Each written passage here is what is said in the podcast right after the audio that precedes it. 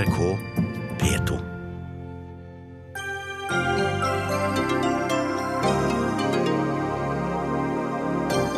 Konsernledelsen visste, men Rune Bjerke visste ikke. Statsråd etter statsråd mistenkte, men ingen gjorde noe mer.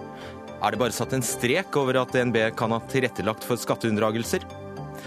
Hva var det det internasjonale samfunnet, FN, Norge og toppolitikerne i Colombia ikke forsto når folket kunne stemme ned en fredsavtale alle bejublet? Ingen på venstresida eller i idrettsbevegelsen som liker Cecilia Brekkhus og proffboksing, tør si det høyt etter at Erna Solberg ropte 'take it away' i Spektrum. Og har du spist eller kjøpt lime de siste to ukene, kan du ha fått i deg gift. For å bli informert om det, klikk deg inn på matportalen.no.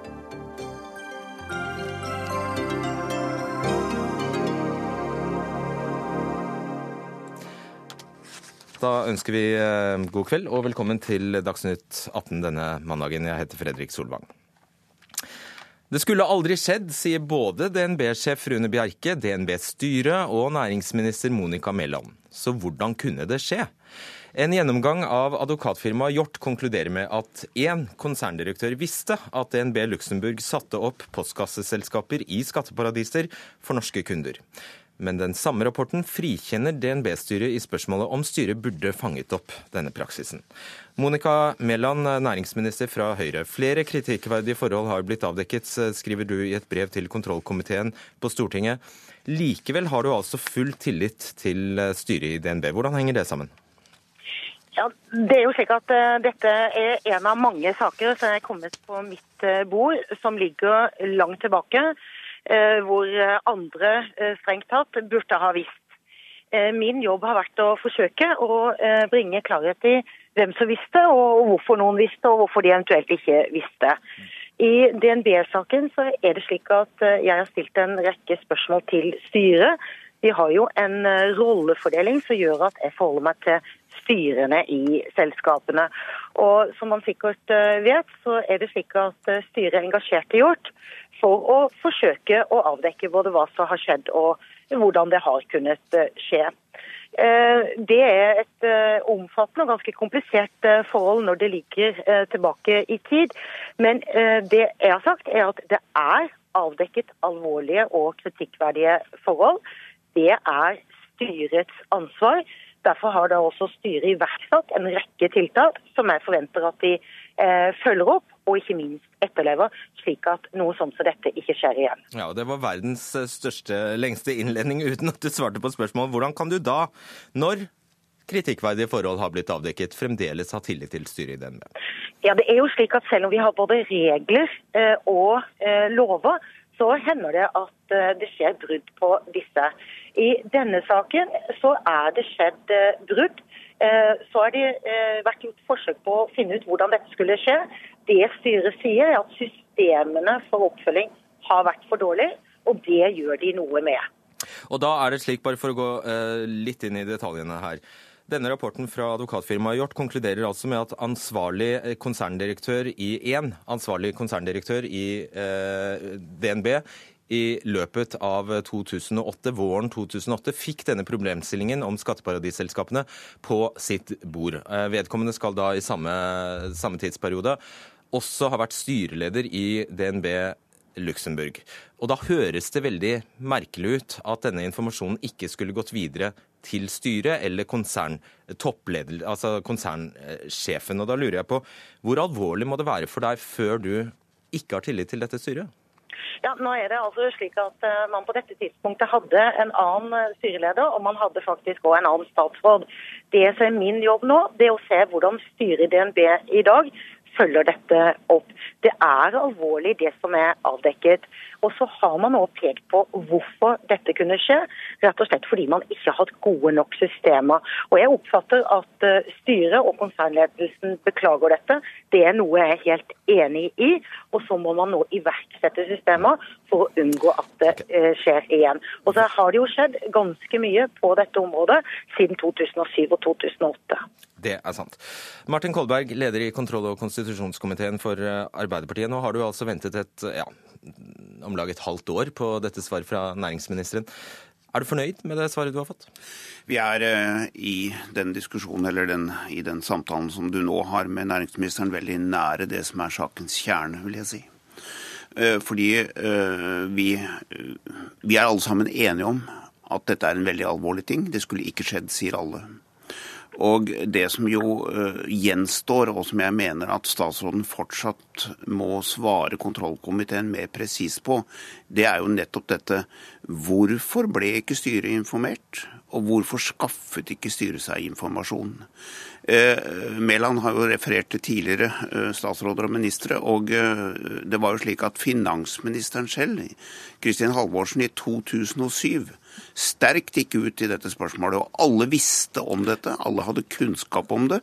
Og det var ikke mulig å si at dette var noe man liksom ikke visste om. Men la meg spørre deg, Kolberg. Tror du på det? At verken toppsjefen eller styret i DNB visste om dette? Tror du på det? De sier at, de, at dette er tilfellet. Ja, og jeg, jeg har veldig vanskelig for å tro at man på et slikt nivå i norsk samfunnsliv ikke holder seg til sannheten. Men det er veldig rart, vil jeg si. Og Mæland, som jo si, Nå skal jeg si det som det er. Mæland og jeg har jo arbeidet sammen også om Telenor-saken. Og her ser vi et tydelig mønster. Det er ganske samme mønsteret. De visste en god del, men ledelsen visste ikke.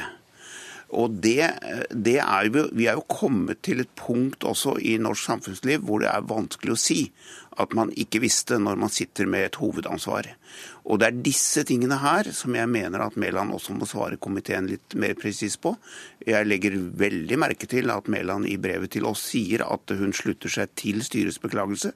Eh, men det blir helt nødvendig, tror jeg, når vi får diskutert dette i komiteen på førstkommende tirsdag, at vi får en presisering av statsråden om hvilken oppfatning hun selv til syvende og sist egentlig har om akkurat dette spørsmålet. La meg stille samme spørsmål til deg, Monica Mæland. Tror du på den forklaringen, at verken eh, toppsjefen eller styret den gangen visste? Men eh, det jeg må legge til grunn, det er de opplysningene jeg har. Nei, jeg spurte ikke om det. Jeg spurte om du tror på det. Jeg, ja, og det tror jeg på. Jeg har ikke opplysninger som tilsier at jeg ikke skal tro på det. Og Det er jo noe av utfordringen når saker ligger eh, mange år tilbake, eh, og eh, de som er ansvarlig på begge sider av bordet, både ansvarlig statsråd og, og styret, ikke lenger sitter der. Men jeg oppfatter at styret har forsøkt å bringe klarhet i hva som har skjedd. Og så er jeg rett og slett uenig med Kolberg. Jeg har svart på hva som var årsaken til at dette kunne skje. Årsaken er ifølge styret at systemene har vært for dårlig, og det gjør de noe med. Men så er det slik eh, at vi altså, på tross av gode systemer og på tross av eh, fornuftige regler, eh, ser at brudd forekommer. Men jeg svarer selvfølgelig komiteen på det de måtte ønske, men min oppfatning baserer seg på de opplysninger jeg har. Og jeg har ikke andre opplysninger som skulle tilsi at jeg ikke skulle legge til grunn det jeg nå vet. Men, Men om det dekker den hele og fulle sannhet, det er det umulig for noen av oss å garantere. Men jeg, jeg, mener nok at både statsråden og Stortinget vil være meget interessert i å få vite hvorfor var ikke systemene gode nok. Hvorfor opprettet man denne avdelingen i Luxembourg? Hvorfor lot, lot de dem få lov til å drive med denne virksomheten, som i dag alle sier ikke skulle skjedd? Hvorfor har det skjedd? Og hvorfor har ikke eierskapsdepartementet blitt informert? Og hvorfor har ikke eierskapsdepartementet skaffet seg tilstrekkelige opplysninger om dette? Men kan ikke du bare spørre din egen partikollega Dag Terje Andersen To sekunder, Kan ikke du bare spørre din egen partikollega Dag Terje Andersen, som var næringsminister i sin tid, om dette? Det, det, er ikke, det er et godt spørsmål. og det er ikke, det er ikke slik. Jo, men det er ikke slik at jeg på noe punkt mener at det er bare Mæland som har ansvaret for dette. Vi konfronterer ikke henne personlig med dette overhodet. Men jeg ser et mønster, som jeg sier, i denne saken, også i forhold til Telenor-saken. Den går over lang tid. Den går over flere statsråder. Og departementet har tydeligvis ved flere anledninger ikke den tilstrekkelige oversikten som det viktigste eierskapsdepartementet, først for Telenor, og så altså for Norges største finansinstitusjon, som vi har ved flere anledninger Stortinget sørget for å kunne fortsette fordi at den var under stort press. Okay, Mellan. Ja, nei, Jeg skulle i og for seg bare påpeke det samme. Dette er jo ikke forhold som har skjedd i min tid som statsråd. Eh, slik at eh, det er faktisk eh, kanskje andre som er nærmere til å svare på de spørsmålene som Kolberg betimelig nok har. Jeg har altså forholdt meg til de opplysningene jeg har fått. Det gjør jeg fordi jeg ikke har andre opplysninger eh, om denne saken. Eh, og ja.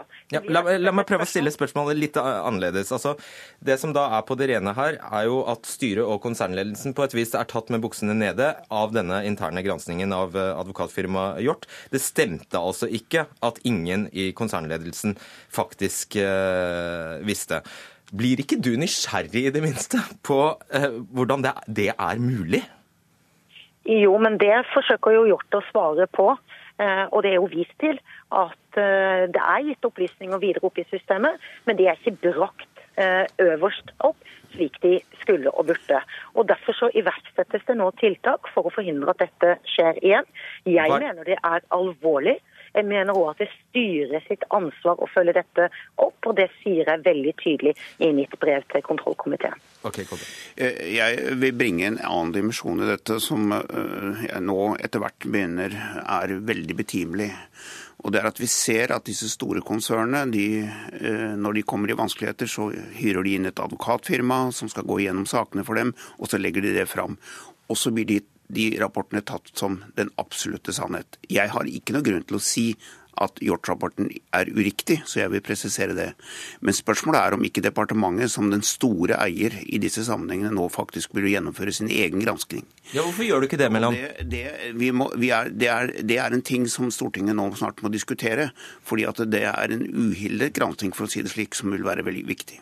Hvorfor gjør du ikke det? det? Det er jo interessante spørsmål Kolberg her bringer opp. Jeg forholder meg til det systemet vi har, som er anerkjent, og som vi har hatt i mange saker, som vi har regler for i Advokatforeningen hvordan skal håndteres. Om uh, departementet nå skal uh, i gang sine, uh, igangsette sine egne etterforskninger, det vil jeg nok være ganske skeptisk til.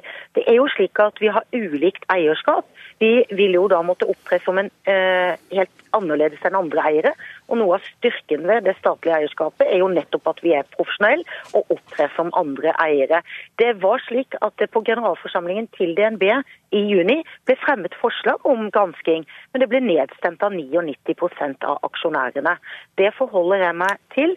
Og så har man altså innhentet denne vurderingen fra et advokatfirma. Og jeg syns det er helt realt å ta en debatt om uh, måten dette gjøres på og prinsippene i det. Men jeg har jo forholdt meg til denne saken mm. slik jeg har gjort til tidligere saker og det systemet som vi har. Og Kolberg, når eh, forslaget blir nedstemt, hva skal en stakkars stat gjøre da? Nei, det er klart at eh, det er en utfordring, fordi statsråden skal styre gjennom generalforsamlingen. Det er et prinsipp som jeg støtter, og det står hele Stortinget bak, så det er ikke noe, noe, noe uenighet om det.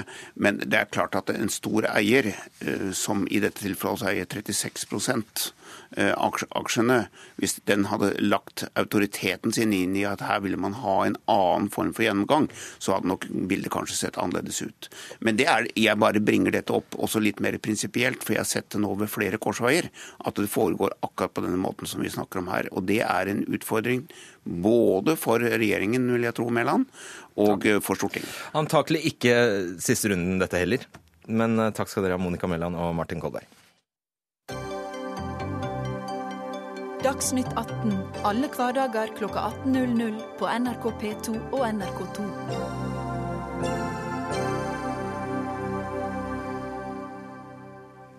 For under en uke siden var en rekke statsledere, USAs utenriksminister John Kerry og FNs generalsekretær Ban Ki-moon til stede da Colombias president Juan Manuel Santos og lederen for opprørsbevegelsen FARC signerte fredsavtalen.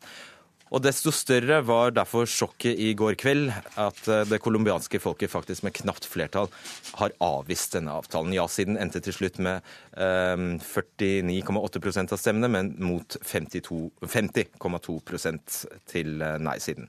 Hvilket da står i skarp kontrast til alle meningsmålingene, så godt som alle meningsmålingene i forkant av denne avstemningen. Vi skal først til deg, Inger Marit Kolstadbråten, utenriksreporter i NRK. Du har vært i Colombia noen døgn og er akkurat nå i hovedstaden Bogotá. Og Du skulle jo dit for å dekke en, eh, ja, en gledelig begivenhet, men sånn ble det altså ikke. Hvordan, eh, hvordan er stemningen der? Ja, Stemninga har vært veldig eh, spesiell eh, det siste døgnet. Det var et sjokk for eh, veldig mange at det ble nei. Selv nei-siden trodde vel ikke egentlig helt på at de eh, kunne eh, vinne. Og i går eh, kveld så var det en spesiell stemning. Det var som om hele byen eh, holdt eh, pusten. Så de fleste er veldig veldig overraska over dette resultatet. Så vi skjønt at, og Du befinner deg jo i Bogotá, vi skjønner at det er ganske store Det, det går noen ganske, ganske markante skillelinjer i befolkningen. Kan du forklare dem for oss? Ja, altså, Vi har snakket med mange colombianere flere steder eh, i landet den eh, siste uka, og som har vært kritiske til eh, avtalen. For dette er folk som har vært veldig splitta i synet på avtalen mellom ja og nei. Poenget er at det er eh, ja og, folk, ja og nei-folk i alle samfunnslag og i alle yrkesgrupper. Jeg har eh, møtt både taxisjåfører, resepsjonister, advokater og økonomer som eh, eh, ville stemme nei. Og Det som da nei-siden eh, er provosert over, først og fremst, er at eh, FARC-geriljaen, som de ser på som kriminelle og terrorister, ifølge avtalen som ble eh, framforhandla, skulle slippe fengselsstraff for eh, en del alvorlige forbrytelser, altså straffrihet. Det andre som de eh, reagerte sterkt på, er at FARC-medlemmer ifølge avtalen skulle få plasser i parlamentet uten å være valgt. Først i 2018 skulle de stille til valg som politisk parti. Mens ja-siden så jo på dette som en mulighet for å få en slutt på krigen. Og de så på det som den eneste muligheten til å få en slutt på krigen. Og de frykta at hvis det ble et nei, så ville krigen fortsette. Børge Brende, utenriksminister fra Høyre. Norge har jo altså tilrettelagt for disse fredsforhandlingene, og du har uttrykt stor skuffelse. Hvorfor endte det sånn? Jeg tror eh, reporter Kolstadbråten var inne på noen av eh, faktorene. Det er et eh, veldig polarisert samfunn i Colombia. Men det er jo en grunn til at man etter 52 år med væpna konflikt har måttet inngå en fredsavtale også som inneholder elementer som er vanskelig både for myndighetene, men også vanskelig for FARC-geriljaen. FARC-geriljaen mener jo at mange av eh, kan du si, de som representerer Hæren og paramilitære grupper, slipper for billig. Mens det er jo mange eh, fra regjeringssida, og ikke minst eh, militære, som mener at det er uakseptabelt at man ikke får tradisjonell fengselsstraff. Men den overgangsjustisen som man har kommet til, Eh, er jo av en sånn beskaffenhet at eh, den er i tråd med internasjonal lov. Den internasjonale straffedomstolen, ICC, har gått til det skritt at de har sagt at dette er i tråd med det som er internasjonalt eh, anerkjent. Men spørsmålet er Men Kanskje i strid med folks gemene rettsoppfatning, da? Jeg tror den eh, strider mot enkeltes eh, oppfatning. Det er jo åpenbart. Nå er det under 40% av folket som har deltatt i denne folkeavstemninga. Det er jo også selvsagt en svakhet. Men i den situasjonen her så må man veie 52 år med væpna konflikt. Bortimot 300 000 mennesker er drept. Millionervis internt fordrevne flyktninger. Skal man fortsette med den lengstvarende Eh, væpna konflikten i Latin-Amerika, eller skal man gjøre det som var nødvendig for å få disse partene eh, til å bli enige om en fredsavtale? Og dette inneholder utrolig mange dilemmaer, det er ikke noe tvil om. Og jeg håper at dette nå ikke igjen vil ende i en full væpna konflikt i Colombia. Og det er fremdeles uh, våpenhvile, gudskjelov, i uh, Colombia. Den holder ennå. Marta Rubiano Skretteberg, du er generalsekretær i hjelpeorganisasjonen Caritas her i Norge. Selv colombianer, bodd her i Norge i 20 år.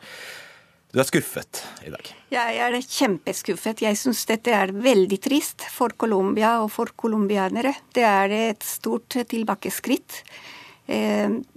Samtidig så tenker jeg at eh, det er veldig viktig å se framover, og jeg har fulgt med nå at partene vil eh, fortsette dialogen i Havana. Dette er kjempeviktig.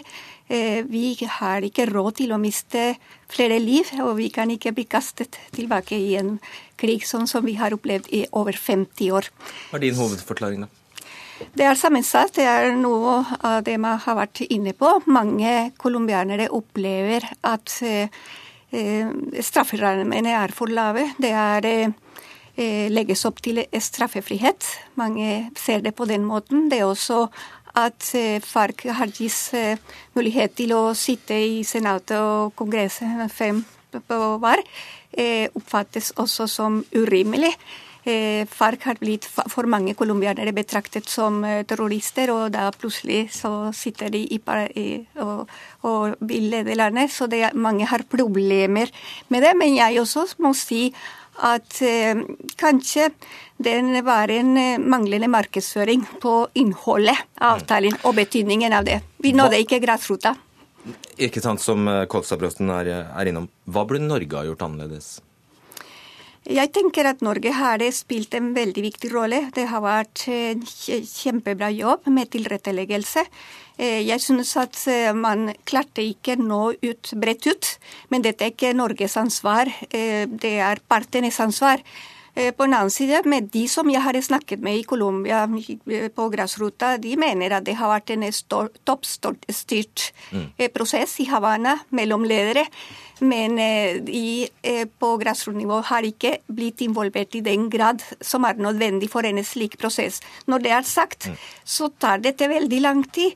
Og vi, vi har sagt helt fra starten at å legge elementer av endringer i holdninger endringer som betyr tilgivelse, er kjempeviktig i en fredsprosess. Ikke den siste eh, året, men i mange år. Så det må jobbes helt fra starten med det. Du skal få svare på det, Brenne. Jeg har bare lyst til å introdusere deg, Henrik Vik, forsker på Høgskolen i eh, Oslo og Akershus. Har det gått for fort? Ja, det er eh, gått litt for fort, den aller siste biten her. Eh, før det, fire år på å forhandle fram, er jo i grunnen ikke så altfor fort. Men plutselig så lå det en avtale på bordet. Folk eh, fikk eh, presentert et spørsmål som om støtter du den endelige avtalen om slutt på konflikten og byggingen av stabil og vedvarende fred.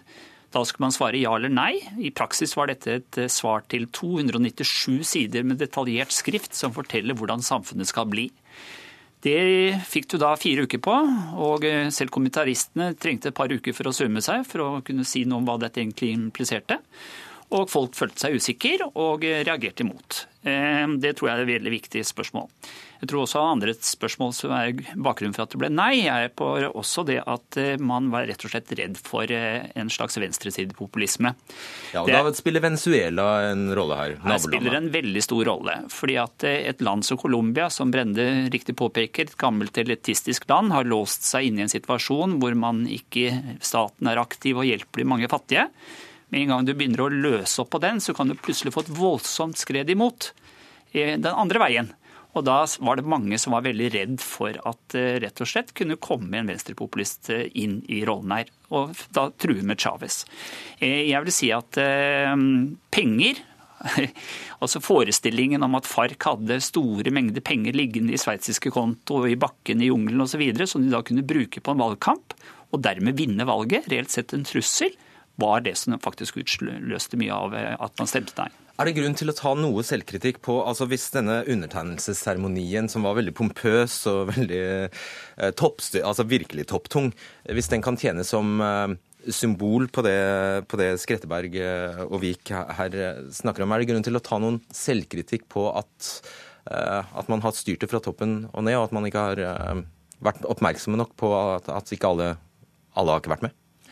President Santos sa jo selv i talen sin eh, til det colombianske folk at man må gå gjennom eh, prosessen. Eh, og ikke minst eierskapet til det som ligger i denne fredsavtalen. Og det sier seg selv at må gjøres med det resultatet som nå foreligger. Norge har vært en fasilitator sammen med Cuba og forsøker å få til en avtale mellom disse to partene. Ehm, og Det er en annen rolle enn å sikre at eh, dette eh, får et flertall eh, i det colombianske folk. Der må jo partene sikre seg at de har ryggdekning for det de gjør. Men dette var så langt vi greide å få det til å nå, ehm, til av, nå frem til en avtale. Det som har vært krevende gjennom disse fire årene, er jo at eh, partene har vært ekstremt langt fra hverandre. Etter 50 år med væpna konflikt så ligger det jo eh, mye der av eh, mistillit. Eh, det gjelder ikke minst ofrene. Og Der har man jo brukt andre prosesser enn tidligere. Man har jo brakt ofra til Cuba, eh, slik at de har fortalt sine historier. Man har hatt ofra aktiv del av hele avtalen. Og så er Det jo slik at det gikk ganske raskt de siste ukene, men det er ikke noe tvil om at de aller fleste delene av avtalen eh, ble jo inngått i løpet av de tre årene. Man har gått skrittvis frem. Landreform, og så har man gått gjennom dette med narkotika. Man har gått gjennom dette med overgangsjustis. Og det er jo ikke gitt straffrihet, for det er det ikke anledning til i henhold til internasjonal lov. Når internasjonale eh, domstolen eh, eh, sier klart ifra at dette er i tråd med internasjonal lov, så betyr det at de som har begått kriminelle handlinger, også får en eller annen form for frihetsberøvelse. Men dette er eh, altså en av eh, Det er utrolig trist, men vi må nå også se fremover. Og vår spesialutsending har jo reist med to regjeringsmedlemmer fra Colombia i dag eh, til eh, Havanna. Og man må forsøke å få med seg nei-sida med tidligere president eh, Uribe inn i en prosess for å se om man kan redde elementer. Ja, og La meg, la meg spørre om, om, det. altså Faren til Alvaro Uribe, som da er Santos' forgjenger og erkerival, kan man si, ble drept av FARC. På, på, hvilken måte spiller han Altså, han spiller definitivt en viktig rolle her fremdeles. Ja, det, det gjør det. Og for meg eh, det er manglende forståelse for eh, politisk realisme i Colombia, rett og slett. Eh, fordi man har undervurdert det appellen Uribe har til i befolkningen. Santos har mistet oppslutning. Han er upopulær for tiden? Eh, det, det, er i hvert fall mye tider på at Uribe er mer populær, og at eh, han har mer tillit hos befolkningen enn Santos har per i dag. Eh, men jeg er enig i at vi må se bare fremover. Jeg syns det er veldig viktig å lytte til opposisjonen, hva slags argumenter de har.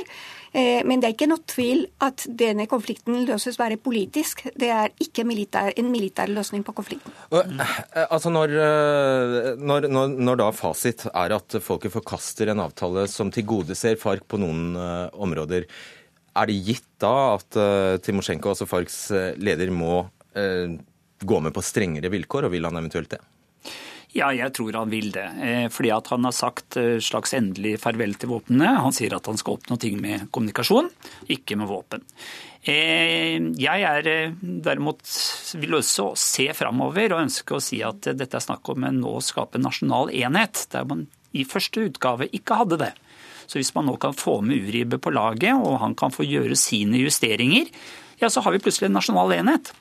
Og, og, Da vil denne avtalen ha mye større sannsynlighet for faktisk å bli implementert i framtiden enn det den første utgaven hadde.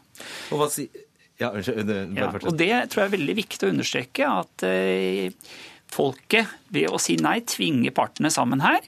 Folk har også sagt en klar beskjed til Uribe om at de ønsker fred. Så hvis en såkalt krakilsk Uribe bare krever og krever, så vil han miste oppslutning i folket. Så han har også presset så Derfor får vi nå en trepartssamarbeid kan du si, i colombiansk utgave om å lage en framtidsrettet avtale om hvordan samfunnet skal være. Du verker etter å si noe selv. Ja, og jeg vil si at eh, jeg har snakket med mange eh, på grasrotnivå, og folk vil ha fred. Og det, det er ikke hele avtalen. Man har ikke sagt nei til hele avtalen, men det er enkelte punkter. Og det viktigste er nå å fokusere på de punktene man er uenig i. Hvordan vet man det, for det var et ja-nei-spørsmål? Nei, men det er eh, ut fra intervjuet, situasjon, eh, snakk med folk på grasrota, så sier det du er inne på. Sønnen min ble drept. Det skal være straffefrihet for det. Og det er veldig viktig å drøfte det lytte til det, og så komme til en, et kompromiss. Eh, så jeg er optimist for at vi klarer å finne en løsning. Det er bra. Er du? Jeg må slå fast at Det er ikke straffrihet i denne avtalen, for den ikke ville vært i tråd med internasjonal lov. Men det er riktig at eh, tidligere president Uribe er en trolig presidentkandidat i 2018. Han sier også at han ønsker fred. Vi må ta han på ordet. Hvis dette nå ender med at ELN-geriljaen oppheve eh, Som våpenhvilen. altså er den høyre, som er en paramilitær eh, Nei, så ELN er også en venstreorientert eh, Ah, gerilja. Eh, så har du det paramilitære. Det er komplisert, altså. Eh, så eh, de er enda close, altså de er enda nærmere kanskje Venezuela. Eh, og så vil også Uribe ha en, det er en kjemperisiko for han hvis det blir økte konflikter, flere kidnappa, flere drepte, så sitter også de som stemte nei, og i hvert fall han med den politiske ledelsen frem til presidentvalget med et kjempestort ansvar. Så vi må ta han på ordet, og kanskje er det mulig i denne dialogen å finne eh, felles plattformer. Men det jeg ikke må glemme også, er at FARC-geriljaen er også under enormt press. Altså De som er medlemmer i FARC, de mener at eh, Timosjenko har gitt for mye, og så mener de at eh, selvsagt at, at president Santos har gitt Men, for mye. Det er veldig viktig å si at freden bygges lokalt. Og klart, selv om det er riktig det ikke er lagt opp til straffefrihet, mange opp, oppfatter det på den måten, og det er veldig viktig nå med informasjon. Men det er noe annet å oppfatte det enn hva som faktisk Eh, ligger det, der det er legalt. Riktig, men, men det er riktig å gjøre noe med informasjon, slik at, slik at vi eh, når grasrota. Og det som er viktig nå, er å få til dialog eh, og, og at endre på holdninger av folk. Eh, vi må være innstilt for tilgivelse. Vi i Colombia må være konstruktive nå og så bygge på det vi har. Eh, vi. Og da har jeg bare lyst til å avslutte med deg, Inger Marit Kaasa-Bråten. Hva, sier, eh, hva sier folk? Er de, er, de innstilt på, eh, er de innstilt på fred? Ja, det tror jeg at jeg vil svare klart ja på. Jeg har ikke møtt ett eneste menneske som sier noe annet. Og også også nei-siden understreker jo det veldig tydelig, at de vil ha fred, men de vil ha en annen avtale enn det som nå lå på bordet. Eh, Så eh, alle parter sier jo nå at de vil snakke, og også FARC-leder Timosjenko sier at han vil bruke ord og ikke våpen. Så eh, det betyr jo at det tross alt er en optimistisk eh, stemning med tanke på at det kanskje er mulig å få til en annen avtale som flere kan eh, enes om. Da er det håp. Takk skal dere ha. Inger Marit Kolstad-Bråten, Henrik Vik, Marta Rubiano Skretteberg og utenriksminister Brende.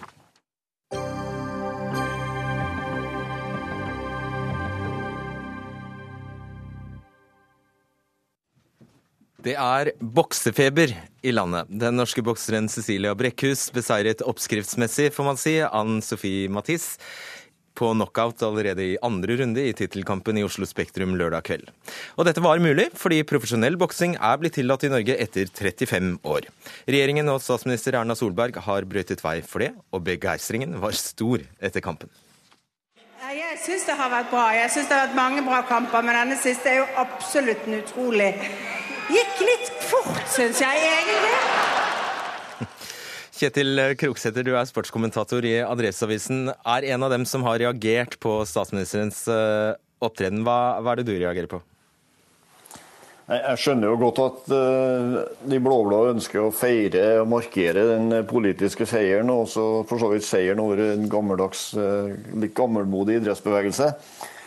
Eh, Men jeg stusser litt over den der ekstatiske jubelen eh, for et stevne som eh, riktignok var stort, an, stort anlagt show, men det hadde ganske tynt innhold. Og Cecilia var jo kanskje den eneste som holdt toppnivå der. Og For meg så ble det litt smakløst da vi kom så langt at statsministeren sto i ringen og sa at kampen ble litt for kort. Det sa hun altså bare et døgn etter at en britisk bokser døde på sykehuset i Glasgow etter å ha blitt slått knockout kvelden før. Og eh, han gikk nok minst én runde for mye i bokseringen. Og det er jo det det handler om.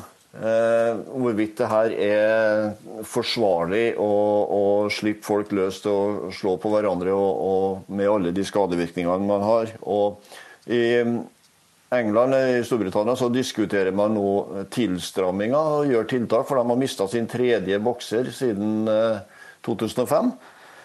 Eh, og her går vi motsatte veien og har fullt frislepp. Okay. Linda Hofstad Helleland, kulturminister fra Høyre, du var også der og, og jublet. Det man ser mange undrer seg over, er at eh, det er mulig å sitte og juble når blodet spruter. Ja, og det, Nå er det jo sånn, tror jeg, at eh, enten så liker man eh, boksing, eller så liker man eh, det ikke. Nå registrerte jeg at det var 990 000 som fulgte TV-sendingene lørdag kveld. Det var 10 000 i Oslo Spektrum. Og for oss som har vært med og kjempa for det her prinsippet om at Norge ikke skal være annerledeslandet, at Norge ikke skal være det landet med sammen noen veldig veldig få andre land i verden hvor man ikke får lov til å drive med proffboksing, at vi etter og har kjempa noen tiår, uh, ikke bare jeg, da, men mange andre, for å få fjerna det. Det markerte vi på lørdagen. Det var en folkefest og ikke minst uh, også en seier for Cecilia, som har kjempa en ganske sånn ensom kamp mot uh, på en måte den organiserte idretten, om å få lov til å utøve sin idrett her hjemme. Men du skal få svare for Solberg, da det Kroksæter påpeker at, at han mener det var, det var usmakelig å si noe sånt rett etter at denne skotske Mike Tall da døde? Altså, Proffboksing er jo tillatt da, i nesten alle andre land eh, i verden, sånn som Cecilia. Hun har jo hun har reist til København på stevne og fått lov til å drive med idretten sin der. Eh, så Norge sier at det, det er greit å drive med proffboksing for nordmenn, men bare man ikke gjør det i Norge. Så det er jo det vi har nå åpna for. Og jeg skjønner godt, jeg forstår Kroksæter eh, sin reaksjon. Jeg forstår hva han sier, og det aksepterer jeg eh, fullt ut. Og at folk har sterke følelser og at uh, noen mener at det her er helt feil vei å gå. Uh, det her har ikke vært en viktig uh, sak for, for, Høyre og Frp og, og, og Venstre i, i, den forstand at dette er en sånn viktig politisk seier. Men et, vi synes at prinsippet om at Stortinget skulle vedta i 1981 at man ikke skulle få lov til å drive med proffboksing, det syns vi var feil, og vi syns det var riktig å oppheve uh, det forbudet. Og Hva er da galt med at statsministeren og hennes regjering profilerer noe som da endelig har blitt lovlig? Kroksæter. Ja, eh, altså Det må man selvfølgelig få lov til å gjøre. Og, og Linda har jo eh, herja med idrettsbevegelsen en periode nå og syns at hun har røska opp i mye som eh, fortjener å røskes opp i. Men akkurat denne kampen skulle jeg håpe at hun hadde møtt eh, større motstand i. for Eh, det er så mange minussider ved, ved mm, boksing, og knockoutloven er verdifull også i forhold til andre idretter som nå står og, og, og vil inn på arenaen. Og eh, det, En nokså samla idrettsbevegelse har vært eh, negativ til det her. Og, og Regjeringa har sjøl oppnevnt et utvalg som har gitt helt klare råd. Og Det utvalget overser man fullstendig og man ser bort ifra alle medisinske råd. Og jeg lurer på, Hva er den faglige begrunnelsen for å overprøve det utvalget som dere sjøl har satt ned? Det kan du svare på. Ja, tenker du på nemnda du nå? Jeg tenker på den, som, eh, den godkjenningsnemnda som eh, Kulturdepartementet eh, oppretta. Ja. altså, det her var jo en av Eh, en av våre løfter fra Sundvolden at vi skulle fjerne det eh, forbudet, og vi skulle ha et eh, regelverk som, som andre land. Og For meg så har det her handla om individets rett da, til å ja, ta selvstendig fra. Ja, altså, De mener at det er en risiko. Det var vi helt klar på når vi sendte ut på høring. Ja, selvsagt. Det er mange idretter. Det er en, det er en betydelig risiko å utsette seg for. Og Det her må den enkelte utøver ta ansvar for sjøl. Mm. Men at fordi at ikke vi liker det, så mener jeg likevel at det blir feil eh, å, eh, å, å, ha det forbudet. Skjønner. La meg, la meg gripe tak i det du, du, så vidt er innom, eh, Kroksæter. Altså, nå har vi vel omtrent havnet i en situasjon der eh, alle som stemmer til venstre for Høyre, og, til, og liker Cecilia Brekkhus og liker proffboksing, ikke tør å tilkjennegi at de, at de gjør det. fordi denne omfavnelsen fra regjeringen eh, av en så kommersiell idrett som eh, boksing eh, ses kan tolkes inn i et større politisk bilde. Hva er det, det dette kan være bud om? Nei, altså, ja, Det er et interessant spørsmål, og, det skal jeg være litt forsiktig med å, med å svare mye på. Men, men, det er klart, boksing er veldig polariserende. Enten så liker du det, eller så liker du ikke. Og Eh, det, det, er jo det man ser i den debatten etterpå nå, at det, det, det er mye her som oppleves ganske usmakelig. Og, og det å sitte og se på at folk prøver å slå hverandre inn i ørska, det, det synes noen er fascinerende. Og det må jeg si at det har jeg av og til syns. Men desto mer jeg har lært om voksing, desto mer skeptisk jeg har blitt. Og Eh, jeg kan jo vise til en uh, idrett i USA som er nært beslekta med boksing, i den forstand at, som går på det med skader. da. Uh, Amerikansk fotball, NFL, der har man veldig mange hodeskader i hjernerystelser. Og det førte faktisk til at, man, at utøverne gikk til søksmål mot organisasjonen, som måtte ut med 7 milliarder dollar, kroner i erstatning. Og Det var på den bakgrunn at utøverne ikke var gjort oppmerksom på skaderisikoen. Ja. Og Det er det som jeg føler litt med det samme med boksing òg, at man blir ikke gjort oppmerksom på den totale skaderisikoen. Man ser at det er en eller annen som dør av og til, men de senskadene som gjør at eh, livet blir vanskelig etter karrieren. Men, men og som gjør at enkelte faktisk tar sitt eget liv. Hvis, hvis, skal, hvis vi skal følge det resonnementet uh, helt ut, så bør vi også gå til det skrittet å forby nordmenn, norske idrettsutøvere, å drive med proffboksing. For at når man kan reise til Stok København på et boksestevne og gjøre det, det skal vi tillate men eh, ikke i Oslo, så skjønner ikke jeg helt den prinsipielle forskjellen. Og så er det sånn at, ja, men du har masse særnorske forbud? Hvis du skal begynne sånn, så kan du jo bare Jo da, men det her er for meg som idrettsminister hva som skal tillates og ikke. Og jeg mener at jeg skal ikke være en politiker som, og, og som faktisk forbyr alt som vi ikke liker, når vi er, det er kun snakk om noen få land i hele verden som ikke tillater det.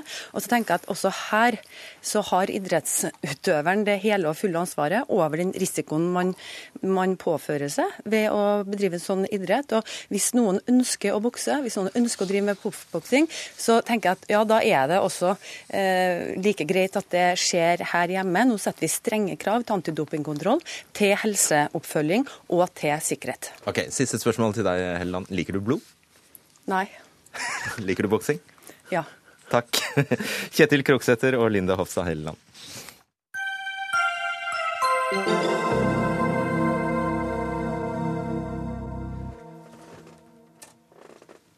Denne limen er giftig og helseskadelig.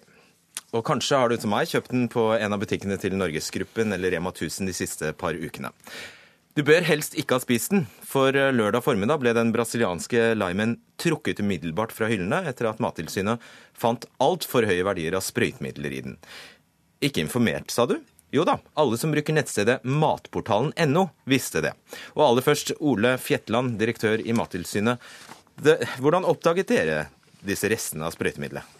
Ja, for, for, å si litt om systemet, så er det, det er jo næringen som før varene selges, så må sørge for at de ikke inneholder skadelige stoff, og altså at de er trygge. Det gjør de med å ta prøver vurdere sertifikat og det som de tenker er nødvendig. Og med næringen, la oss henge bjelle på katten. Hvem, hvem, mener du da? For å fortsette så er det Mattilsynet sitt overvåkningsprogram, som disse prøvene er en del av. Det er altså en stikkprøvekontroll som vi, vi gjør på toppen av næringens egen kontroll for å skaffe oss oversikt og for å kontrollere at næringen fanger opp det som de skal gjennom sine prøver. Altså en etterskuddsvis kontroll. Så, så, det at vi, så når vi da finner disse, disse restene, som vi da gjør i si, omkring 1% av prøvene som vi tar, så er det, er det den ekstrakontrollen som vi skal gjøre, og som uh, gjør at næringen selv kan vurdere sine prøver, at vi kan sørge for at maten blir enda tryggere. Så det var tilfeldig, altså? Det er en stikkprøvekontroll, så sånn sett er det tilfeldig. Men de prøvene, de varene som vi velger ut for denne stikkprøvekontrollen, er jo gjort ut ifra en vurdering av hvor risikoen kan være høyest. Eh, jeg spør igjen. Når du sier, og det var, bare, det var et spørsmål for å opplyse oss, hva, når du sier næringen, hva mener du? Hvem er næringen? Næringen er den som selger varen. I dette tilfellet, ja, butikkene og butikkene. Og butikkene ja. All. Pia Gulbrandsen, kommunikasjonsdirektør i Bama. Altså Det er dere som har importert disse limene. Og det er vel dere som egentlig skulle ha gitt oss beskjed, vel? Uh, ja, altså da vi fikk melding av Mattilsynet på fredag om at hadde, de hadde funnet for høye eh, verdier av plantevernmiddelrester i lime fra Brasil. Så sperret vi umiddelbart produktet på Bamas lagre og varslet butikken om å fjerne produktene fra hyllene. Og Hvor lenge hadde produktene vært i hyllene da? Da, etter at vi fikk beskjeden på fredag, så gikk det veldig kort tid til Nei, de var, var ute av butikken. Hvor lenge hadde limene ligget i hylla og blitt kjøpt og spist og solgt? Da gikk det vel ca. to uker. To uker, Så det er en del lime som er fortært uh, i løpet av de to ukene? Vi fikk beskjed av Mattilsynet på fredag og startet da med sporing, sperring, tilbaketrekking av produktene. Og så er det sånn at hvor informasjonen legges ut, og hvor bredt vi går, det avhenger av eh, informasjonen vi innhenter om helserisikoen ved dette produktet. Hvor farlig er dette sprøytemiddelet? Eh, den informasjonen vi fikk eh, av Mattilsynet, eh, sier at en person på rundt 60 kg må spise seks lime eh, med skall for at det skal eh, kunne utgjøre en helsefare. Det er veldig mye lime, fordi lime, sånn som de fleste bruker det, så er det en smakstilsetter og ikke noe man spiser eh, lime for lime. Uh, Fjetland, uh, hvordan, altså hvor, du kan få svare på det du også. Hvor, uh, hvor farlig er det? Det, det, det er jo vanligvis veldig store marginer på disse stoffene. og det som det, som det her ble sagt, at En må spise mye av, mye av dette før det kan representere en helsefare. Så, men det, er ikke sånn, det, det skal jo ikke være sånn som dette. Det er jo ikke det, er ikke det vi sier. Hva er vitsen med å trekke det tilbake, da? Hva, hva sa du? Hva er vitsen med å trekke det tilbake hvis ikke det er farlig? Det er, jo, det er, jo, over grenseverdien, så en bør ikke spise dette. Men alt, eh, alt er jo relativt. Så en, må jo, en, eh, en bør trekke det tilbake hvis en kan, men det, i et sånn stikkprøvebasert uh, kontroll der vi driver med en overvåkning og sjekker hva status er, så er det, er det jo ikke alltid at en kan trekke tilbake det en finner. I og med at det, en, det tar gjerne 14 dager en sånn analyse, og i mellomtiden så kan noe komme på markedet. Ja, det er jo nesten knapt til å tro at det skal ta to uker. Altså, Da har vi jo spist limen allerede. Men det som, den, den, den kontrollen som butikken og næringen selv skal gjøre, den gjøres forskuddsvis. Det er jo det som er sikkerheten for at dette ikke kommer i butikkene. Og så gjør vi en sånn tilleggskontroll. Som, ja, da, og da må næringen gå i seg selv og tenke hva er det som gjør at dette klapper gjennom denne gangen. Vi må vurdere våre rutiner for, for hvilke produkter vi skal se nærmere på. Hvorfor er dette overlatt til butikkene? Har vi ikke et, er det, ikke, det høres ut som en perfekt oppgave for Mattilsynet? Ja, uansett hvor eh, mye midler vi hadde hatt, så kunne ikke vi kontrollert hvert eneste eh, produkt før det kom i butikkene. Det er det næringen sjøl som er sikre. Ok, Pia Gulbrandsen, hva skjer med meg hvis jeg, når jeg nå har spist eh, seks lime? Eh, la meg først få si at eh, vi skal ikke ha produkter hvor det er restverdier av plantevernmidler eh, over grenseverdien som myndighetene har satt. Ja, det var bra. Og Obama er opptatt av å selge trygg mat. Så det som er enda viktigere enn å teste, det er å ha gode rutiner for, for trygg mat. Og det gjør vi bl.a. gjennom å stille strenge krav til leverandørene. De må forholde seg til avtaler, bl.a. til bruk av godkjente plantevernmidler, til god hygiene og rent vanningsvann. Hva skjer med meg når jeg har spist sexlime? Eh, det er det bedre kompetanse på f.eks. i Mattilsynet. Ok, vi... Mattilsynet, Hva skjer med meg? Hvor syk blir jeg?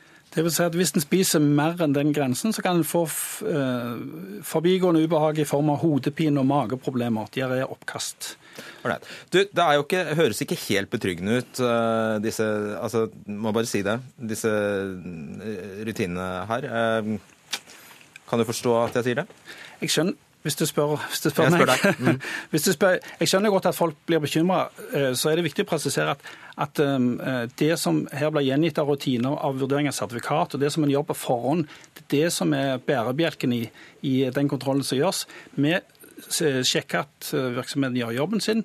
Vi kontrollerer at det ikke er noe som glipper gjennom. Vi vurderer Eh, vi vurderer hvilke grep som gjøres i framtiden, og vi skal, hvordan vi skal risikobasere bedre. Og Næringen bruker også våre prøver til å endre sine rutiner. Så, så, det at det skjer sånn som dette, det skjer av og til. Men som sagt, det er høye marginer her, og dette ja.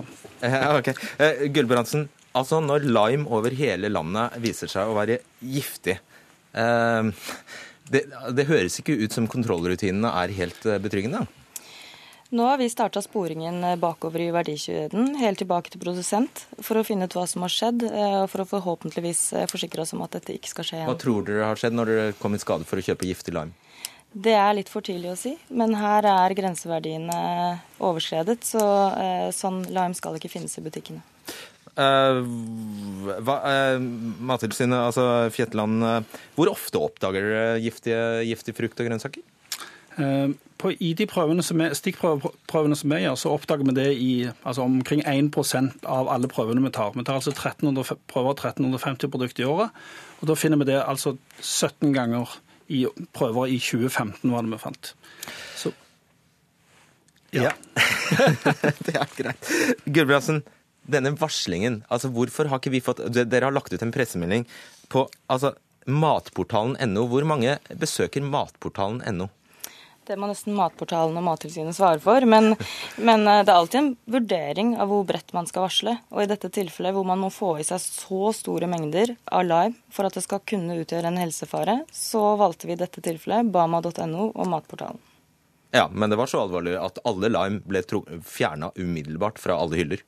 Ja, men vi skal selge trygg mat, og vi skal følge reglene. Eh, og eh, når det er over grenseverdiene som myndighetene har satt, så skal vi selvfølgelig eh, trekke det fra markedet. Ok, takk skal dere ha, Ole Fjetteland og Pia Gudbrandsen. Hør Dagsnytt 18 når du vil. Radio NRK Radio.nrk.no.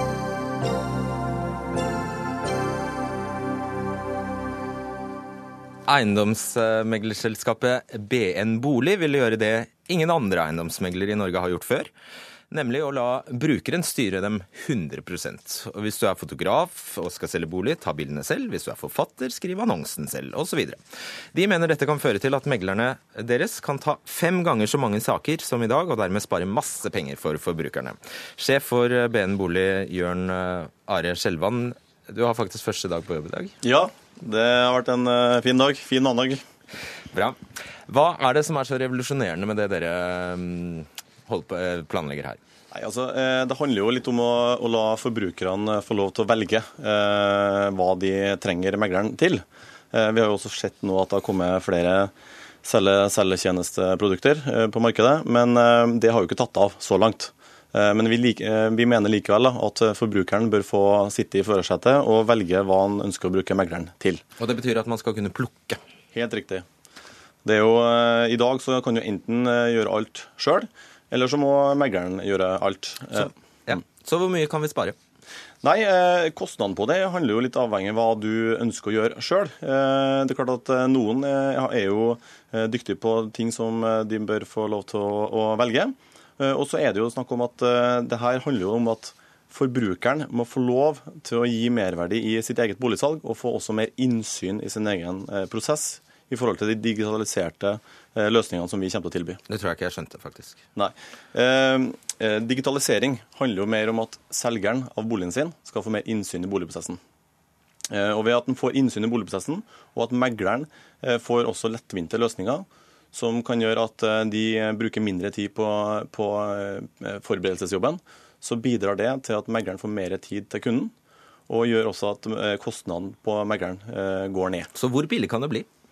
Ja, Det er jo ikke snakk om å sette en pris på, på en, en meglertjeneste sånn rent konkret, men det handler om at vi, vi, ønsker å, vi, ønsker å, få vite at vi ønsker å tilby forbrukerne en bestemmelsesrett over sitt eget boligsalg. Og avhengig av hvor, mange, eh, boliger, nei, hvor, mange, hvor mye de ønsker å gjøre sjøl, vil jo da prisen Så hvor lite meglertjeneste kan jeg slippe unna med? La meg stille et spørsmål sånn. For å si det sånn, da, du kan gjøre alt selv i dag. Eh, vi mener jo det at megleren har en rolle i framtida. Vi mener at den merverdien en megler spiller inn i et boligsalg, eh, definitivt har en rolle fremover. Men vi tror at forbrukerne har rett til å velge hva de ønsker at megleren skal gjøre. Vi har også med oss deg, administrerende direktør i Norges Eiendomsmeglerforbund, eh, der du også er medlem, Skjelvan, for øvrig. Ja. ja. Carl O. Geving. Um, ja, Det har jo ikke skjedd så veldig mye i din bransje siden eh, finn.no kom eh, på banen. Det er vel på tide, dette her? Ja, Det er mye på gang i meglerbransjen. La meg først si at vi vil ha mer kunnskapsbasert innovasjon som kan gjøre bolighandelen bedre og tryggere for forbrukere. Det er det folk trenger. Og I det legger jeg at eh, vi eh, ser at digitalisering kan gjøre det mulig å effektivisere eh, meglertjenestene, bedre dokumentasjonen og gjøre markedsføringen mer presis. Men det viktigste det er at vi da skal også skape rom for å øke kvaliteten i bolighandelen. Rett og slett fordi forbrukere trenger mer, mer rådgivning. La meg komme til det. Vi er kritiske til BN Banks forretningskonsept. fordi Kvaliteten kommer til å bli veldig lav hvis en megler skal selge 200-300 boliger. Det er ikke mulig å gjøre det uh, uten å overlate veldig mye arbeid til kunden, og megler må gjøre helt minimalt. Hva er vanlig det kommer ikke til å bli et bra konsept. I dag så bruker uh, i snitt en megler 50 timer per uh, oppdrag. Så la meg understreke at problemet med dette konseptet er at hvordan kommer til å bli mer utrygg. Unnskyld, sa du 50 i snitt? 50 timer per salg? Per transaksjon, ja. Per, altså det er under én uka? dokumenterbart. Ja, altså Hvis du selger én bolig i uka altså I snitt så selger meglere et sted med ja, ca. 45 boliger på landsbasis i snitt per år. Fordi det er mye arbeid knyttet til det juridiske og økonomiske ved en transaksjon og det rent eiendomsmeglerfaglige. Så er det sånn at, eh, at eh, jeg er ganske sikker på at eh, bolighandelen vil bli mer utrygg med dette eh, konseptet, fordi forbrukerne får ikke det vi vet de trenger, og det de etterspør, nemlig grundig rådgivning. Du kan ikke la det være opp til kunden å bestemme, da?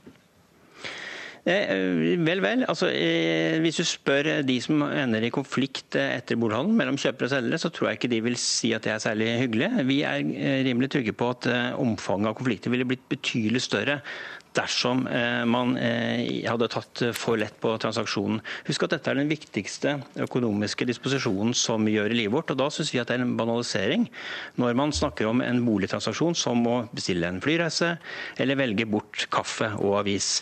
Billige halvveisløsninger gir ikke bedre løsninger til forbrukerne. Og så vil jeg si Eh, en nei, ting nå snakker til, du eh, veldig lenge, eh, som- Geving. Ja, men La meg få med et poeng til som er viktig her. Den egentlige beveggrunnen for BN Bank til å gjøre dette, er å få flere lånekunder. Og hva er galt med det? Det gale med det er at da har de ikke fokus på kjernevirksomheten, nemlig eiendomsmegling, som de også skal drive med. Og det kommer til å gå utover kvaliteten på eiendomsmeglingen. Nå får du svare. Eh, For det første så vil jeg bare si at det går an å ha to tanker i hodet samtidig. Eh, Og så vil jeg legge til at eh, da Norwegian kom i flymarkedet, så var det jo veldig få som trodde at de skulle sjekke inn sin egen bagasje. Det går helt fint i dag. Forbrukerne må få lov til å bestemme hva de ønsker, og jeg tror faktisk vi undervurderer boligselgere eh, hvis vi bestemmer at de ikke skal få lov til å velge hva de ønsker å gjøre Men, selv. skal du sammenligne litt ekstra beinplass med den viktigste investeringen du På gjør ingen, i livet? på ingen som helst måte. Men det man tror er utenkelig å gjøre selv i dag, trenger ikke å være utenkelig i morgen dersom de teknologiske løsningene åpner opp for det. Ja, Geving. Eh, La meg gi deg eksempler på bare eh, typiske problemstillinger som en megler må hjelpe brukerne med. Kan jeg holde tilbake penger ved overtakelse hvis det mangler noe i boligen? Hvor, eh, hvor godt skal det være vasket ved overtakelse? Bare for å, for å nevne noe. Hvordan skal man tolke byggeplaner på nabotomten, og hva skal opplyses om? Hvordan, hvordan skal budrunden gjennomføres? Hva, hva betyr akseptfristen? Hva ligger i den? Sjekk av finansiering og forbehold av finansiering. Hva ligger i økonomiske forbehold? Og forbehold i budrunden. Hvordan skal man håndtere disse? Bare for å nevne noen. Altså jeg kunne nevnt eh, en, en lang liste av rettslige og økonomiske problemstillinger som dukker opp i nesten hver eneste transaksjon. Det er dette. Norske eiendomsmeglere har tre års utdanning, hovedsakelig boligjuss og økonomi og praktisk eiendomsmegling for å håndtere. Vi er, vi er ikke uenige og, det, at dette, her her, syns jeg det er feil å snakke om kaffe og, Ja, og vi, aviser. Altså. vi er ikke uenige i at megleren har en viktig rolle, og det er den vi, vi ønsker, å bevare fremover. Men vi ønsker at megleren skal bruke tid på det som er viktigst, nemlig det å gi gode råd til boligselgere og kjøpere. Eh, og Det som gjør at eh, de digitale løsningene tvinger fram nå, er en mer effektivisering av meglers hverdag. Og Da er det jo helt naturlig at megleren har mulighet til å selge flere Men det er sånn to og et halvt salg per dag du legger opp til. Absolutt. og det, det er klart at eh, Vi vet jo ikke helt hvor det her vil ende, om forbrukerne ønsker å gjøre så store deler av salgsprosessen. Ta det poenget til eh, Geving at ditt, eh, ditt egentlige motiv her er å praie lånekunder. Eh, For å si Det sånn da, eh, det egentlige motivet til en bank er å tjene penger. Eh, Og det egentlige motivet ved å eie en eiendomsmegler er jo også å øke kryssalget.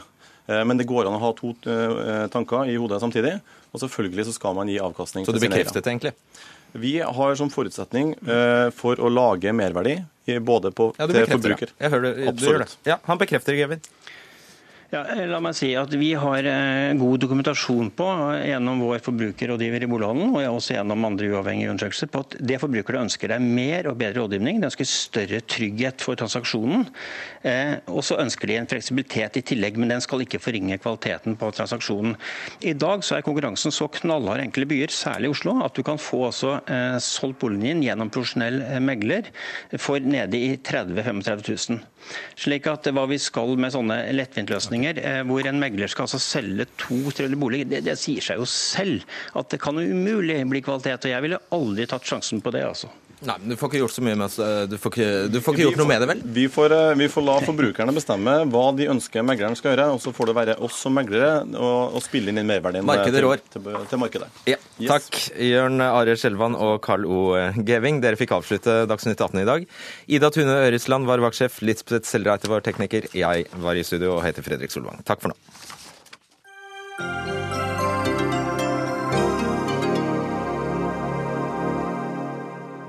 Hør flere podkaster på nrk.no podkast.